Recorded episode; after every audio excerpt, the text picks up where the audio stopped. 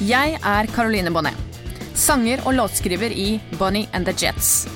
Jeg har mange år bak meg med undring og vandring i dette sammensuriet av et musikalsk Texas som kalles musikkbransjen. Det er mange historier, mange skjulte fakta, og ikke minst mange spennende folk som skjuler seg bak denne bransjen fylt av eksentrikere, nevrotikere og alle slags snodige outcasts.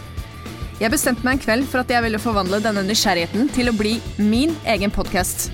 Jeg kommer til å invitere forskjellige gjester fra bransjen som forhåpentligvis vil fortelle meg noe nytt som muligens verken jeg eller du visste fra før. Hver episode vil kunne belyse kjente og kanskje ikke fullt så kjente sider av nettopp musikkbransjen. Dette er hashtag bransjen.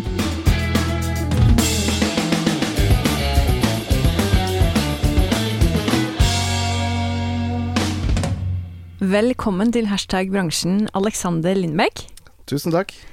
Veldig koselig å ha deg her. Du er jo, eh, hva skal jeg si Etter å ha gjort litt research på navnet ditt, da, som jeg alltid gjør eh, med gjestene mine, så har jeg funnet ut at du må vel være over gjennomsnittet kunnskapsrik på den bransjen vi snakker om, musikkbransjen. For du Altså, etter jeg så det det står om deg på Wikipedia, da, så er du trommeslager, produsent og låtskriver. Og så driver du plateselskapet Safe and Sound Recordings. Uh, du spiller med The Secret Sound of Dreamwalkers, Signe Marie Rustad, Mad King Edmund og Roger Gressberg og Foreningen. Uh, og så har du spilt med Jayhawks. Uh, ja, lite grann. Lite grann, ja. ja. Og så har du også spilt med St. Thomas en periode, leste jeg, mm. og Folk og Vazelina Billopphuggers. Så du har jo uh, vært innom mange sjangre og mange forskjellige typer artister, da, kan man si. Så i tillegg så jobber du også som lydtekniker, stemmer det? Nei, Nei. faktisk ikke. Jeg, ikke. jeg har litt lydteknikerutdanning. Ok, men, ja. uh, men jeg jobber Jeg er utdanna bibliotekar. Ja, nettopp. Og jobber på Norsk Folkemuseum. Mm. Uh, så det er liksom der jeg tjener penger. Ja. Um, hvilket gjør at jeg ikke trenger å ta den bransjedelen av musikkbransjen så seriøst. mm. Ja, for da kommer det berømte spørsmålet jeg alltid stiller. Hva tenker du når jeg sier hashtag bransjen? Det tenker jeg mye ting. Jeg tenker om, om på noen folk jeg har møtt som kanskje bestemmer litt og kommer og drikker opp uh, backstage-rideren når, vi er, når vi er ferdige å spille. Ja. Uh, det er mye forskjellig. Uh, det er mange bra folk i den bransjen her, og, og den bransjen her er så mye forskjellig, egentlig. Mm. At uh, jeg har bare vanka i et par, par avdelinger av den. Um, for eksempel så er det mange som um, tror at vi driver med det samme som kanskje man ser på TV2 eller eh, ja, Nå blir det jo enda verre med Maskorama. Er det musikkbransjen òg? Eller eh, Er det det? Det er det nye spørsmålet. ja. Eh, det er jo musikk, eh, kanskje, men det er Ja. Mm. Eh, for det er liksom eh, Jeg har hørt om folk som kommer til oss, har spurt faren min om jeg ikke skulle være med, melde meg på Idol, eller et eller annet sånt, liksom. Eller sånn. Men eh, det har jo ikke noe med det vi driver med å gjøre. Eh, så, og, det, og, det, er litt vanskelig å forstå når du kanskje sitter bare hjemme og, og ser på TV på fredag og lørdag. Mm. Og det er det du um, tenker på med musikkbransje. Mm. Så um, nå er det jo folk som både vanker i den delen som vi kjenner godt, som spiller f.eks. i bandet på Idol, eller som har vært på turné med Idol-artister. Mm. Sånn at det er jo en del fellesnevnere der, men um, uh, Men det er mye forskjellig. Ja, for det var altså ikke Idol som gjorde at du uh, kom inn i musikkbransjen, det kan vi jo konkludere her og nå.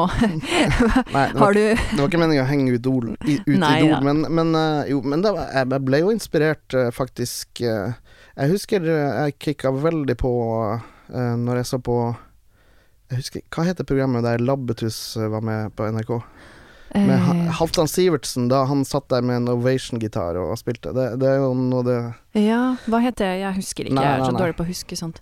Ja, ja. Leikestova. Leikestova. Ja, ja. Vi Takk, får inns Dagfinn. inn, innspill her fra teknikken.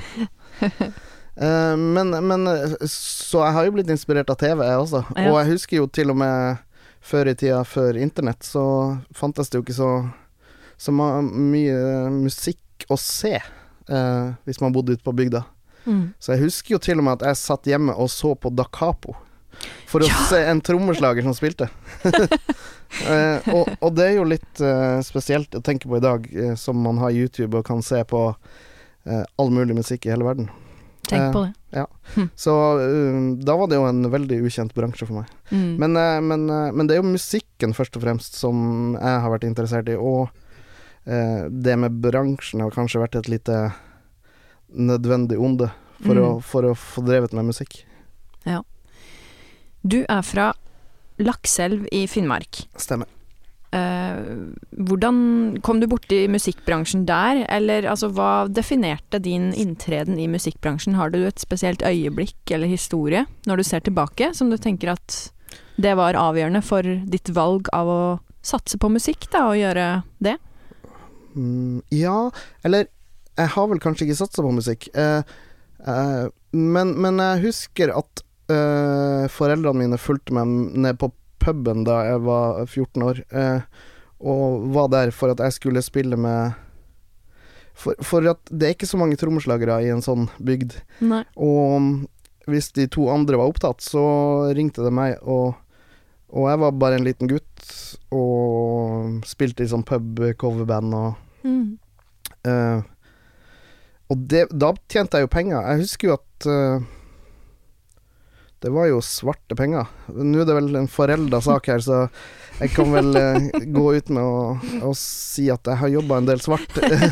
Men jeg tror faktisk ikke det hadde vært mulig å få det til å bli hvitt, eh, på noen som helst måte.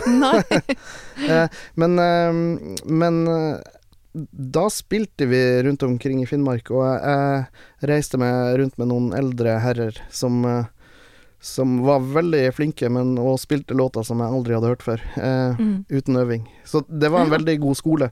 Men, men det var liksom da jeg kom inn i en slags bransje. Det var ikke en bransje i, i og for seg, men, men det var Jeg tipper at jeg var den, eh, den personen på, i min klasse på videregående som hadde mest inntekt. Mm. Eh, for jeg hadde jo ikke tid til å være russ, for eksempel, for jeg var jo opptatt hver helg. Ja. Um, Mm. så, så det var ganske, ganske tidlig jeg ble um, Fikk reist rundt og spille. Mm. Ja. Mm. Og, og da kanskje så jeg jo noen ting som ikke var så bra, uh, som kanskje har gjort til at uh, jeg for eksempel Den dag i dag så har jeg aldri drukket meg full. Eller jeg har aldri drukket i hele mitt liv. Mm. og det er kanskje fordi at jeg begynte å spille litt rundt omkring før jeg hadde egentlig tenkt på å vurdere å begynne å drikke. Ja. Og så da at eh, en del av de folkene som jeg kanskje likte aller best, og som jeg så at var kanskje ganske lik meg på uh, Ja, lik meg i med hodet. Mm. at de ikke tålte det så bra mm. når vi var rundt om og spilte. Så ja. Eh, så det har kanskje vært ganske viktig. Fornuftig valg, høres det ut som. Ja, det kan man si. Mm. Eh, jeg vet jo ikke hva jeg, had, hva jeg har gått glipp av, men jeg har jo sett mange Mm. fulle folk, så det Ja. Jeg har jo sett det meste. Ja. Mm. Det er jo en av konsekvensene av å spille mye på pub. Ja. Husker jo det sjøl at ja, man fikk jo fulle mennesker ganske langt opp i halsen en periode. Det blir slitsomt i lengden. Ja. Ja. Og det er ikke bare publikum, men også, også de som man spiller med. Ja. Men så flytta du til Oslo. Ja, jeg var en liten tur innom Bergen og hadde et band der. Å ja, Ja. hvilket band var det da? Det er et band som heter Ping, som akkurat er ute med ny musikk, som jeg ikke spiller med lenger, men okay. De er veldig gode venner av meg. Så Ja, ja, nettopp. det er folk fra der jeg kommer fra.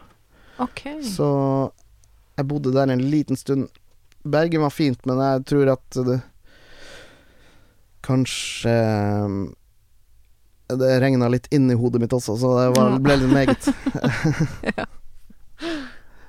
Og i Oslo kjente jeg litt mer folk. Ja. Ja. Så eh, det ble et naturlig sted å dra til. Mm. Har du en br hashtag bransjen-historien som du aldri glemmer, sånn hvor du tenker bare 'hvorfor gjør jeg det her'? Hva er det jeg Hvorfor har jeg rota meg borti det her? Egentlig ikke så mye sånn negativt på den Nei. måten. Sånn uh, 'hvorfor har jeg gjort det her'? Nei.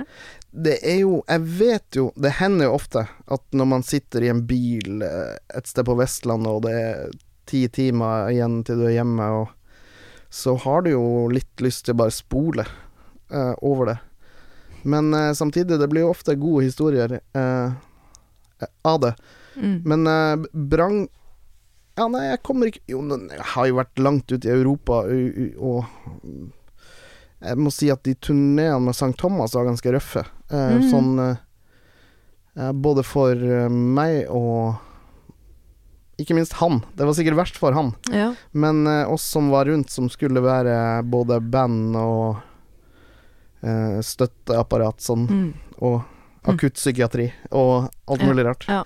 Så det er nok det verste jeg har vært borti sånn Men, men det eh, Jeg klarer ikke å se på det som bransjen heller, fordi at vi var så gode venner. ja. Um, men men um, jeg vet ikke, da du Jeg fikk litt sånn heads up på noen spørsmål her, ja. og da tenkte jeg mer at hashtag bransjen var noe At det var noe positivt og noe Det kan det også være. Ja, fordi så eh, du kan godt fortelle en eh, gladhistorie, altså. Ja, Ja, gjør det. Jeg liker ikke å være så negativt som det høres ut. Nei. Og jeg vil bare påpeke at det med alkohol, altså Jeg, Mm. jeg, jeg liker å henge med folk selv om de drikker. Ja, ja. Det, øh, det er derfor jeg aldri liker Når folk spør om jeg er avholdsmann, så sier jeg Mm. ofte nei, jeg bare drikker ikke. Ja, det er en viss forskjell. Ja du sier noe der, altså. Avholdsmann-begrepet er litt sånn negativt lada. Det er sant. Mm. Mm. Men, men øh, det det største sånn bransjegreia jeg, jeg har opplevd, det er en litt glad historie som kan være Som jeg prøver å tenke på av og til når jeg syns det er litt trist. Ja. Det var når jeg spilte med nevnte Jayhawks Mhm. eh, på Øya eh, Ja. her. Ja. Som, var, eh, eh, som var min første jobb med dem.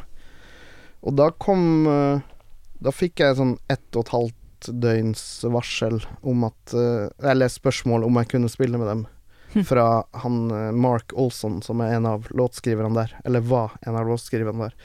Um, og de var på turné, og trommeslageren deres måtte reise hjem uh, av eh, noe sykdom i familien. Mm.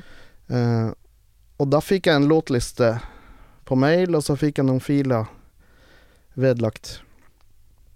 Og ja, hørte på det, og eh, jeg må innrømme at jeg kjente bandet fra før, eller musikken. Mm. Så de gamle låtene var ikke så Satt ikke så langt unna. Eh, men, men det var ganske kult å eh, møte bassisten liksom Jeg møtte han tre minutter før vi gikk på scenen. Oi. Eh, og gå ut på den største scenen på øya og spille for Jeg vet ikke hvor mange Det var sikkert nesten 10 000 mennesker. Wow. Ut, uten å ha øvd med bandet. Det, Det er respekt. jeg, jeg tenker at det er ikke så mange som har gjort det. Eller Nei. på det nivået spille Spille Nei, det Spille med et band uten å ha møtt alle i bandet før på, med, for så mange folk.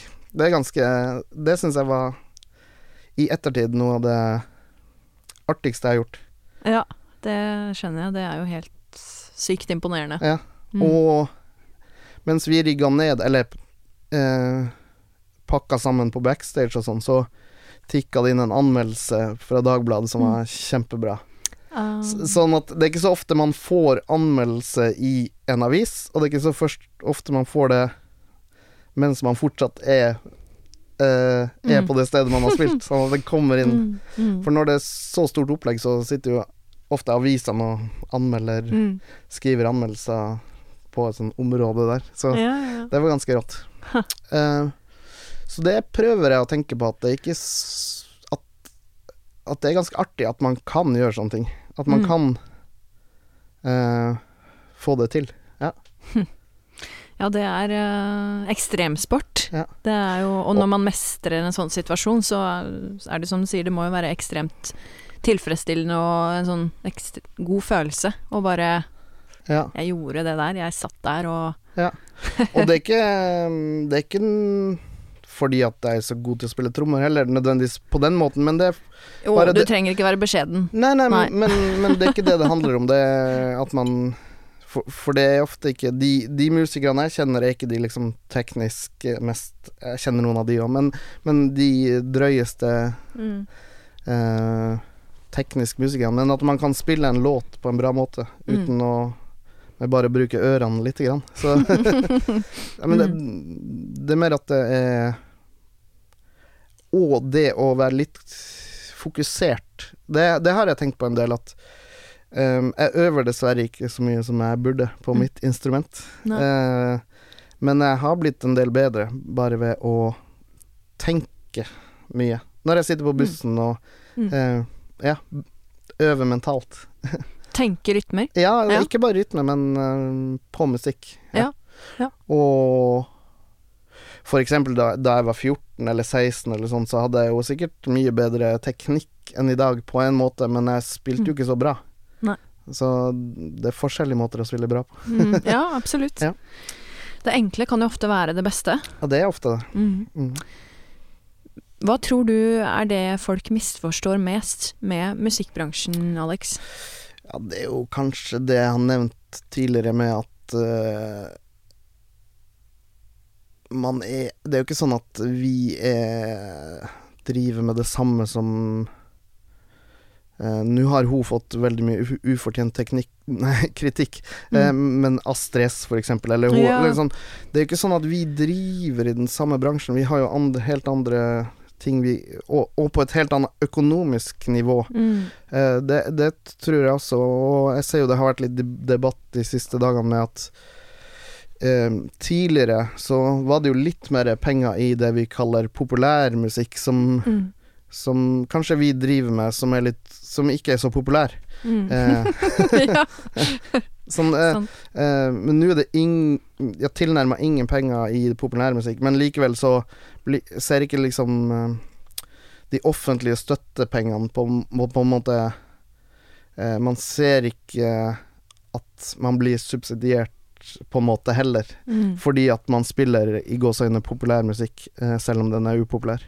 Eh, Mm. Så det er litt sånn der eh, vanskeligheter med å Nå er det jo um, svært lite penger i, i bransjen. Mm. Og, og det er noe som jeg har sett forandre seg fra Ja, for eksempel jeg spilte med St. Thomas. Mm. Da kunne vi komme som et norsk band i gåseøyne og dra til Europa og dra på turné og ha Mm. et label i Benelux-landene som gjorde promo, og, okay.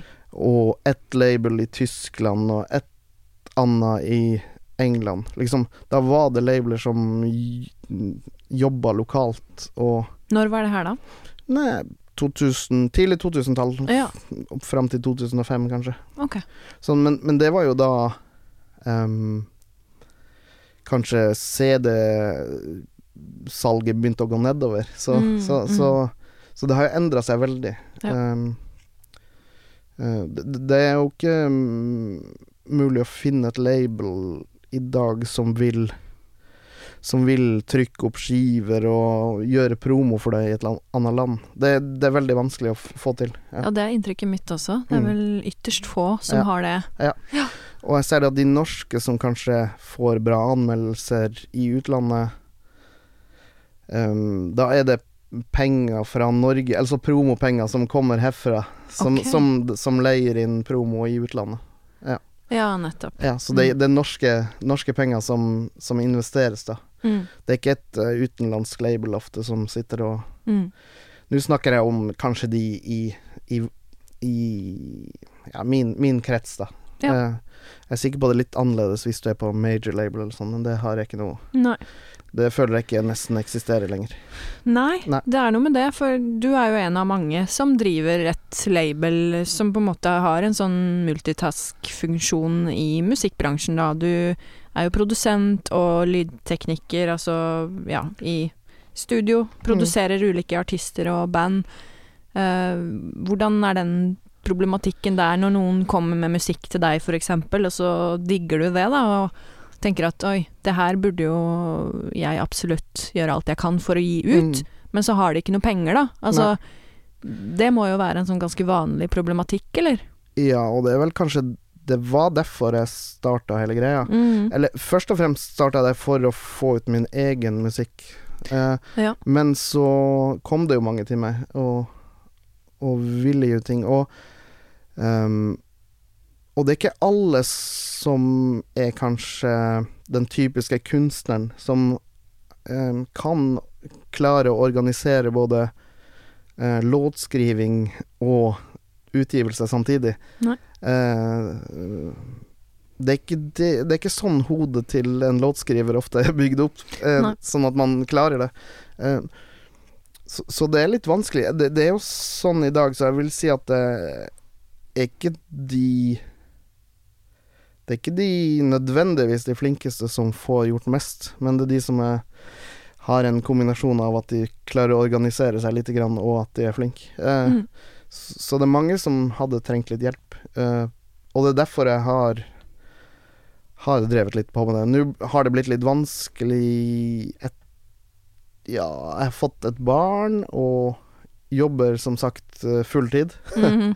uh, så det er jo Døgnet har jo ikke så mange flere timer enn det. Fortsatt bare 24 timer Ja. i døgnet. Um, så jeg, jeg prøver å Jeg har roa meg ned drastisk, og jeg tør ikke å Tør faktisk ikke å høre på ting som blir sendt meg. Jeg svarer bare at jeg har eh, dessverre ikke tid til å Ja. ta på meg noe mer. Og, for at jeg er litt redd for at jeg liker det godt, og at jeg ikke klarer å si nei.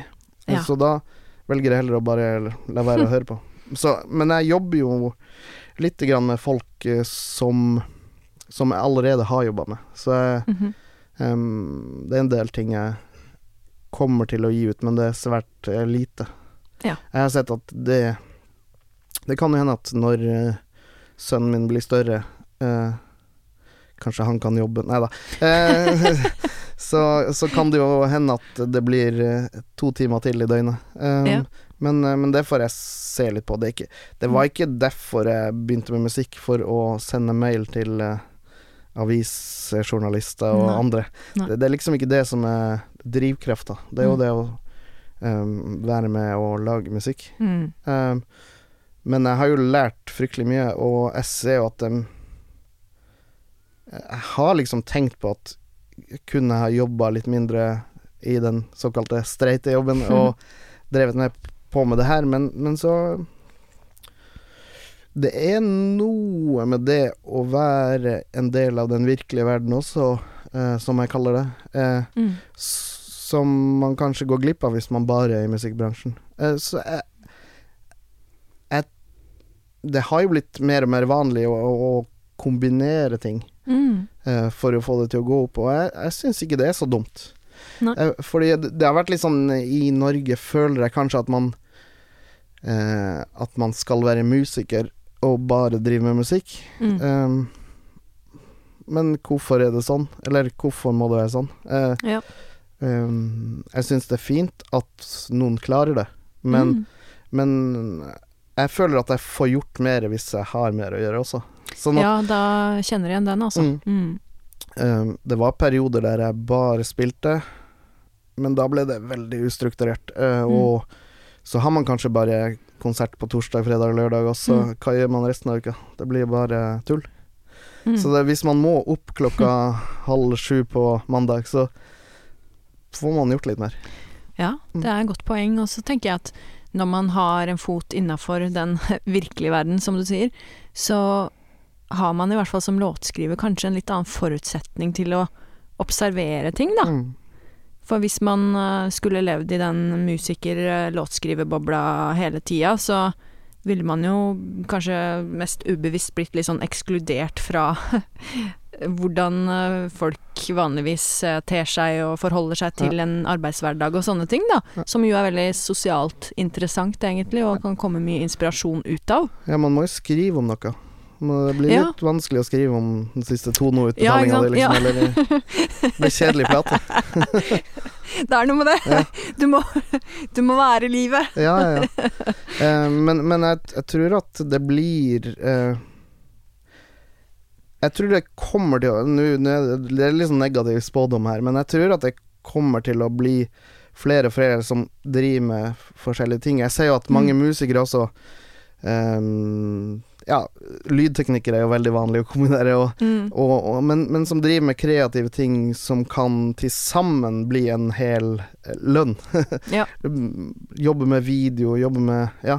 Så, Mm. så jeg ser at det, det er flere som driver på den måten, selv om de er på et høyt nasjonalt nivå som musiker Mm. så er det ikke alltid det er lett å leve av det for det. Og, og det, det føler jeg at eh, kan bli et litt sånn derre Mange låtskrivere Det blir mye grubling eh, når man Jeg har slutta å skrive låter. Blant Har, nei? Jo, jo. Hvorfor det? jo men eh, det ble for mye tenking. Nei, men kjære deg, det må du omfavne ja, igjen. jeg, jeg skal begynne med det, men jeg har Ja. bare en pause. Ja, ok, det er bra. så jeg driver, og, jeg driver og bygger opp et eh, et lager med erfaring, så det ikke blir, bare blir Tono-utbetalingslåter. Men men, eh, men eh, um, Nei, det jeg skulle si var at det er jo mange som også er litt sånn skjør i, i hodet, som jeg kaller det, Mm. i, i den bransjen her. Og da, hvis man har en laber økonomi i tillegg, så kjenner jeg flere som kanskje hadde hatt bedre av å ha en viss fast inntekt og Mm. få litt trygghet rundt seg, og kunne få litt trygghet til å ja, skrive bedre låter når de satte av tid til det. Uh, Mm. Det er ikke nødvendigvis at man får brukt alle de timene produktivt når man har mange timer til rådighet. Eh, Nei, det er Nei. veldig sant. Og så er det jo kanskje litt sånn glorifisert, den skjørheten i hodet, som du sier, da. Altså eh, I hvert fall inntrykket mitt i en del type låtskriving og den såkalte musikertilværelsen som på en måte Ja, alt for musikken, og man skal leve røft, og man skal helst på en måte ha mange skikkelig smell i trynet for å kunne skrive bra låter, liksom.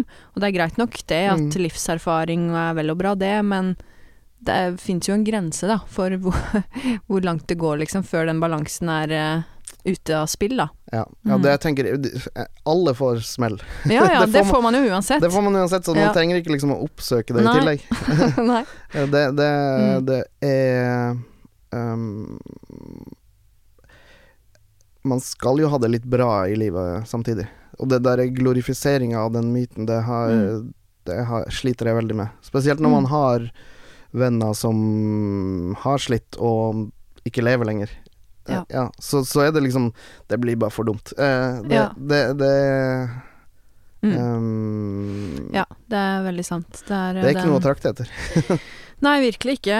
Eh, altså, bra låter kommer jo til uansett. Ja. Eh, man kan jo faktisk ha det bra og skrive en bra låt. Ja, jeg har hørt Det- øh, det om et par som har gjort det, men, Ja. men, men, men, men, men det jeg mener er at man liksom Det, det eh, Verden er ganske kjip, og Mm. man trenger ikke å oppsøke det Nei. for å kunne skrive Mm. Altså, man, man trenger ikke å Alt man skriver, trenger ikke å være selvopplevd heller. Nei. Eh, Sånn som en romanforfatter Mm. skriver om en person som Mm. er helt an... Eller eh, forfattere pleide å gjøre det før i tida, før Mm. de begynte å skrive bøker om seg sjøl. Ja, ja. Så pleide de å gå inn i en annen karakter Mhm. og, og heller bruke litt Tror det fins fortsatt. Ja, det er mulig, jeg Ja. skal sjekke. eh, eh, så, så går det an å ta elementer av ting eh, ute i verden og, og koke det sammen til en lapskaus som Mm. er en annen enn den du lever i. Mm. Mm. Um, og det blir kanskje litt mer uh, interessant hvis ikke Ja, du synger om at uh, At det Eller at alle må skjønne hvordan du lever på Mm. eh, Grünerløkka for å kunne forstå hva du synger om. Ja. Hvis du kan hvis du kan sitte i Finnmark og leve deg inn i Så trenger du ikke å Mm. vite hvordan det ser ut på, på den butikken på Skaus plass. ja. Godt poeng. Men uh, du har skrevet mye låter tidligere. Og Ja. det var på en måte Det var inspirasjonen din til å starte opp det labelet, var å gjøre egen musikk, var det sånn? Ja, Ja. for da det, Første gang jeg brukte navnet Safe and Sound eh, Recordings, var da jeg ga ut den første Seven Doors Hotel-plata i 2006. Ok. Og da hadde vi faktisk et label i Spania, av alle ting. Ok. Uh, og uh, Men vi hadde ikke noe i Norge. Så da hadde vi distribusjon via en norsk distributør, distributør og måtte ha et uh, navn på vårt label. Så da måtte jeg finne på noe. Mm. Og det ble Safe and Sound. Det var en kompis av meg som heter Egil som uh, fant på det. Fordi at jeg tror, tror det var fordi jeg hadde studio inne på soverommet mitt, så det var trygt og Ja, ja. ja, ja. Kult navn. Så um, um, Så siden har jeg bare brukt det navnet til både som studionavn Det har aldri vært et studio, men det har vært uh, laptopen min som jeg har flytta rundt omkring. Mm -hmm. um, og så Ja, ja. Det var noe hemmelig tegn her. Men det betyr Det kaffe. en-. Det var en desperat eh, Eh, kaffemanøver. Ja, vi har en god servitør. Ja. Ja. Hva var det jeg snakka om? Du snakka om Safe and Sound Recordings, Ja. og at du hadde et portabelt uh, studio. Ja. Så uh, Safe and Sound ble egentlig til for at Tusen takk. jeg hadde en del låter som jeg ville få ut. Mm. Og, men etter den første skiva så fikk vi faktisk eh, Det var i de tider man kunne få eh, eh, en platekontrakt. Så da fikk Mhm. vi eh, deal med ja, nu, nu er, Det er så lenge siden at jeg har nesten Mhm. glemt hvem det var. Men eh, det var noen som ga ut et par plater. Ja. Det var Voices of Wonder. Um, oss, I Norge. I Norge, ja. Ja. Mm, og så bare fant jeg ut at jeg ville Nei, men nå er vi ljugere. Ja, ja. Så var vi innom Snacksville, og okay. eh, Henrik og Amund Mårud der, eh, som ga ut eh, vår siste skive. Ok. Ja. Og det var bandet ditt med Seven dine Doors- låter. Ja, det var mine låter. Seven Doors Hotel. Eh, Hvordan sjanger var dere innom der, på en måte? det er litt sånn americana Ja. eh, sånn, jeg, jeg har alltid likt uh, Alltid. Bob Dylan og Mm. Neil Young. og- Ja, ja. Men eh, ja, Tom Petty og litt sånn, ja. ja. Litt innom rock og Ja, ja. Mm. Alt sånn i en saus. ja, ja, ja. Rock og pop og Mm. country. Ja. Um, men um, etter det så Grunnen til at jeg starta opp igjen, på en måte, det var rett og slett den herre famøse julesangen min. Um, Å oh, Ja. ja. Har du julesang? jeg har julesang, så den Ja. eh, må du høre på. Hva heter den da? Santa is real. Santa is real. Ja, Den skal jeg høre på etterpå. ja, så da Hæ? Så, så da, da lagde jeg um, det, tok, det tok litt av. Det var en slags spøk. Jeg lagde tittelen først på, for det, som heter ordspill på Louvin Brothers sin plate 'Satan Is Real'. Ja. Ok. Ja, så, så det var et ordspill som gikk litt langt. Eh, og det endte opp med at jeg trykte opp eh, røde vinylsingler og, og lagde musikkvideo og Oi, oi, oi. Ja, ja. Så det Du slo på stortromma? og, og starta et plateselskap. Ja. så, så det gikk litt langt. Eh, men, men etter det så har jeg gitt ut eh, litt for mye musikk. Eh, masse bra. Ja. Men, eh, men jeg ser jo at det kanskje er litt tidkrevende å, å gjøre ting eh, parallelt med eh, privatliv og jobbliv. Og, Mm. og så har jeg jo spilt mye også samtidig. Ja, for det er inntrykket mitt at du er veldig mye brukt mm, på ulike scener av ja, særlig sånn americana-artister og ja, Ja. for eksempel Malin Pettersen spilte du vel relativt nylig med på Var det Lindmo? Yes. Ja, Eh, ja. Stemmer. Ja. Så du er, ja, beveger deg mye i den americana-sjangeren, Det stemmer. har jeg sett. Mm. Det er vel egentlig Ja, nei, det er en sjanger jeg fikser bra som trommeslager. Mm, ja. Relativt bra. Og, og det er mange av mine venner som driver i Mm. den sjangeren, så det, det er egentlig naturlig. Det er veldig sjelden jeg spiller med folk som jeg ikke kjenner. Jeg blir veldig Mm. sjelden leid inn av noen jeg ikke kjenner fra før. Mm. Så det er mer eh, Bortsett fra Jayhawks, da. Jo, men de kjente Eller jeg Å, ja, kjente ah, ja. Jeg kjente Mark Olsson Ja, okay, veldig okay. godt. Ja, det eh, det. Så, ja, så, så ja. Det er jo egentlig sånn det er. Det, Mm. man slår jo opp i de gule sider på, på bassist, og så ringer den første som står øverst der. Nei, Det er sant. Det er jo en bransje hvor eh, bekjentskaper og vennskap sånn sett står sterkt, da, tenker jeg. Ja. Mm. Før kanskje jeg syns det var Så syns jeg kanskje det var litt negativt at, at det var litt sånn kjen, Man måtte kjenne noen for å komme inn, men, Mm.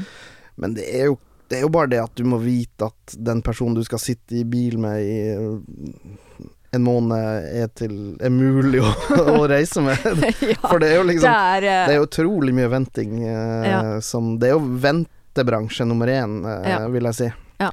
Eh, og, og det er ikke uh, Ja, det må fungere sosialt, først og Mm. fremst, for at det, det er ikke noe uh, Musikere kan være ekstremt bra, men hvis de ikke er omgjengelige og går an å uh, henge med, så, så, så blir det litt vanskelig. Ja, det gjør fort det, da.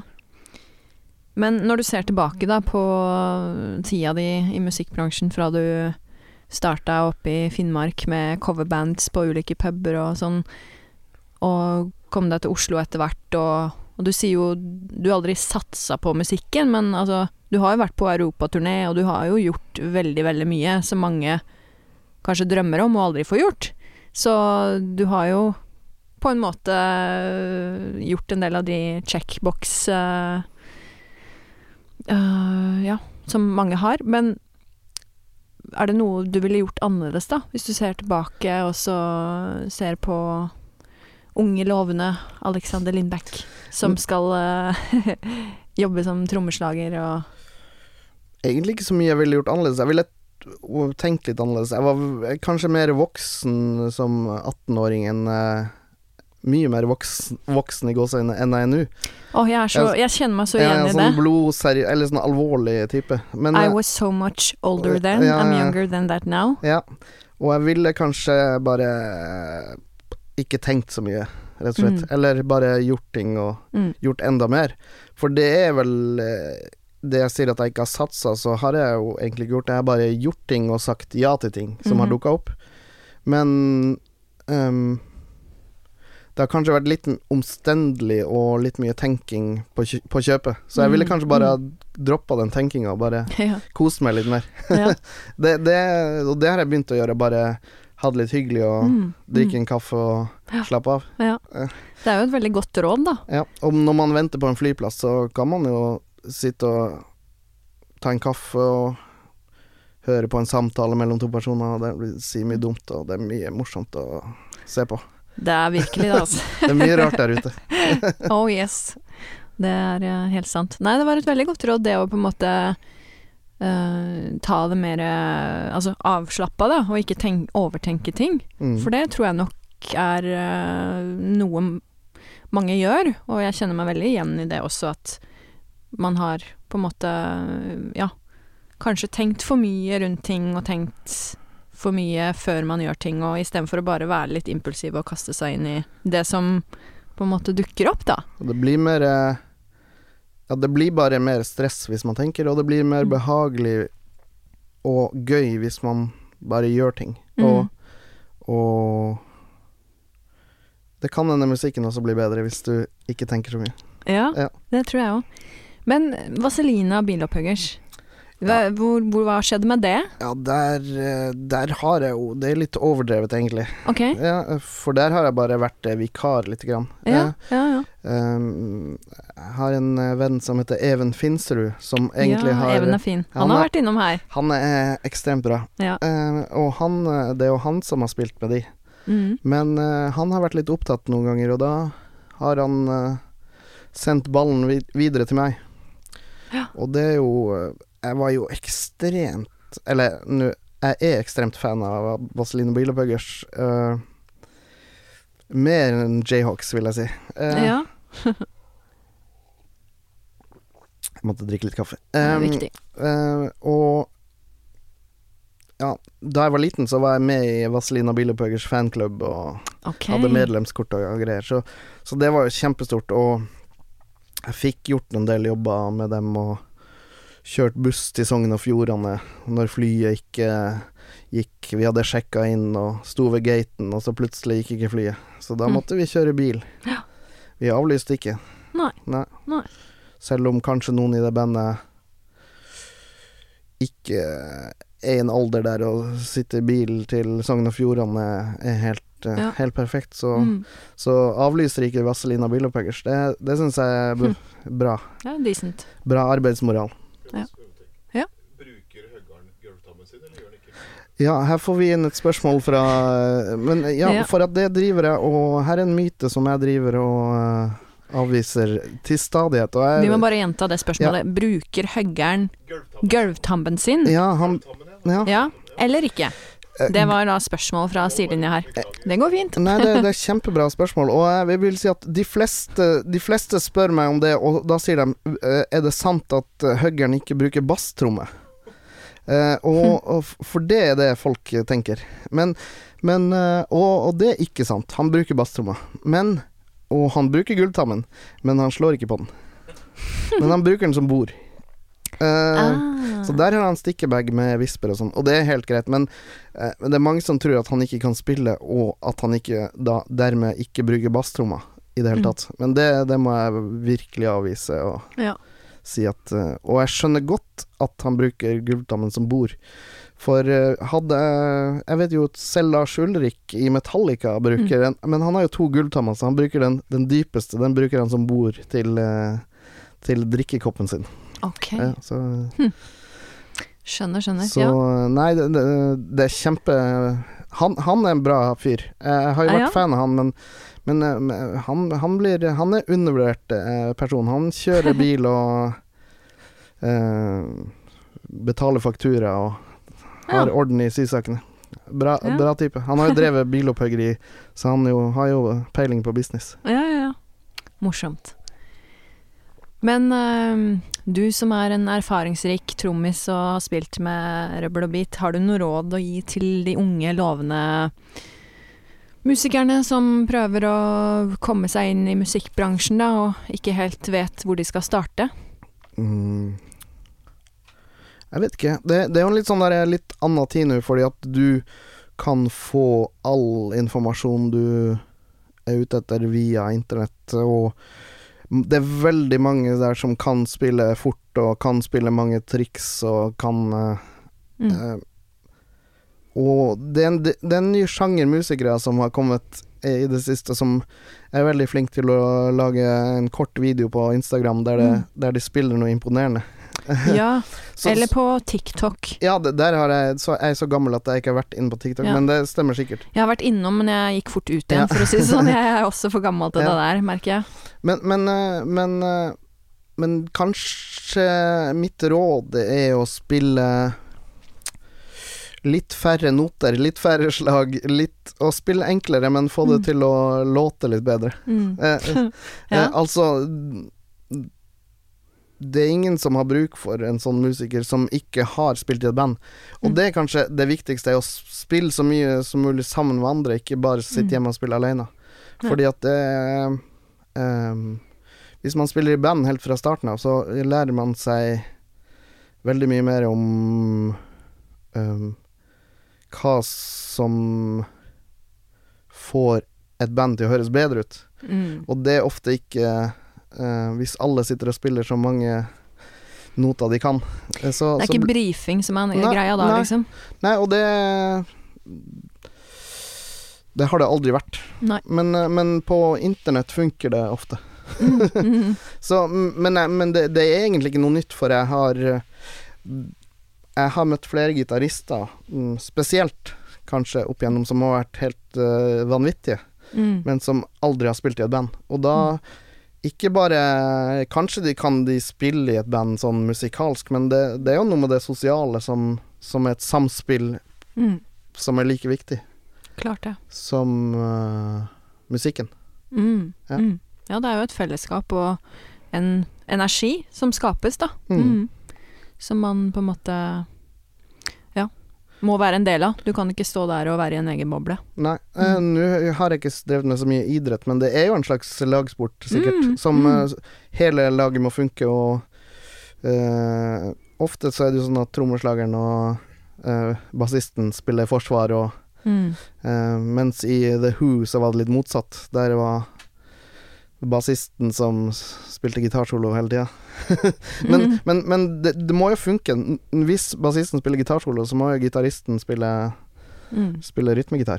Ja det er sant.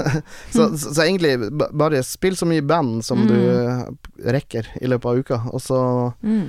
eh, øv bitte litt, litt mindre alene og spill mer i band. Godt råd. Ja.